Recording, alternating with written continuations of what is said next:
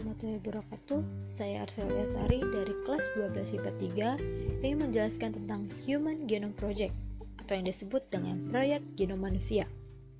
Proyek Genom Manusia dilaksanakan untuk memetakan genom manusia sampai tingkat nukleotid atau base pair dan untuk mengidentifikasi seluruh gen yang ada di dalamnya. Proyek genom pada manusia sekarang berkembang pada tingkat yang lebih tinggi, di mana kita masuk ke dalam tahap void tahap di mana kita menggambarkan bentuk perwujudan dari hati manusia ke dalam genom.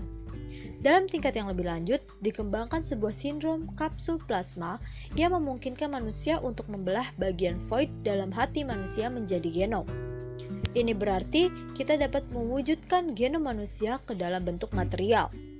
Bentuk dari genom beragam, tergantung dari situasi manusia tersebut saat genomnya keluar.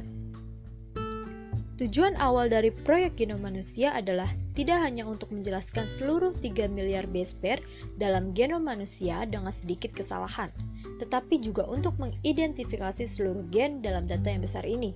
Sebagian proyek ini masih berlangsung meskipun perhitungan awal mencatat sekitar 25.000 gen dalam genom manusia, yang lebih sedikit dari yang dikira oleh para ilmuwan.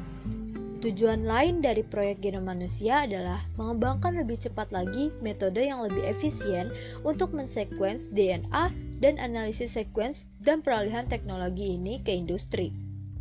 Keuntungan praktikal proyek ini keluar ketika proyek ini belum selesai. Misalnya, sejumlah perusahaan seperti Myriad Genetics mulai menawarkan tes genetik yang murah dan mudah yang dapat menunjukkan gejala ke berbagai penyakit, termasuk kanker payudara, blood clotting, cystic fibrosis, liver, dan lainnya. Tujuan dari penelitian proyek genom manusia ini adalah yang pertama, mengidentifikasi sekitar 20.000 sampai 25.000 gen yang ada di dalam DNA manusia. Yang kedua, menentukan urutan dari 3 miliar pasangan basa kimia yang membentuk DNA manusia. Yang ketiga, menyimpan informasi tentang DNA manusia dalam database. Yang keempat, mengembangkan alat untuk analisis data. Yang kelima, mentransfer teknologi yang terkait dengan sektor swasta. Yang keenam, menanggapi tentang etika, hukum, dan isu-isu sosial. Ya, mungkin timbul dari proyek ini. Permasalahan ini sangat penting untuk dibahas dan ditemukan solusi yang paling tepat sebelum menjadi dilema besar.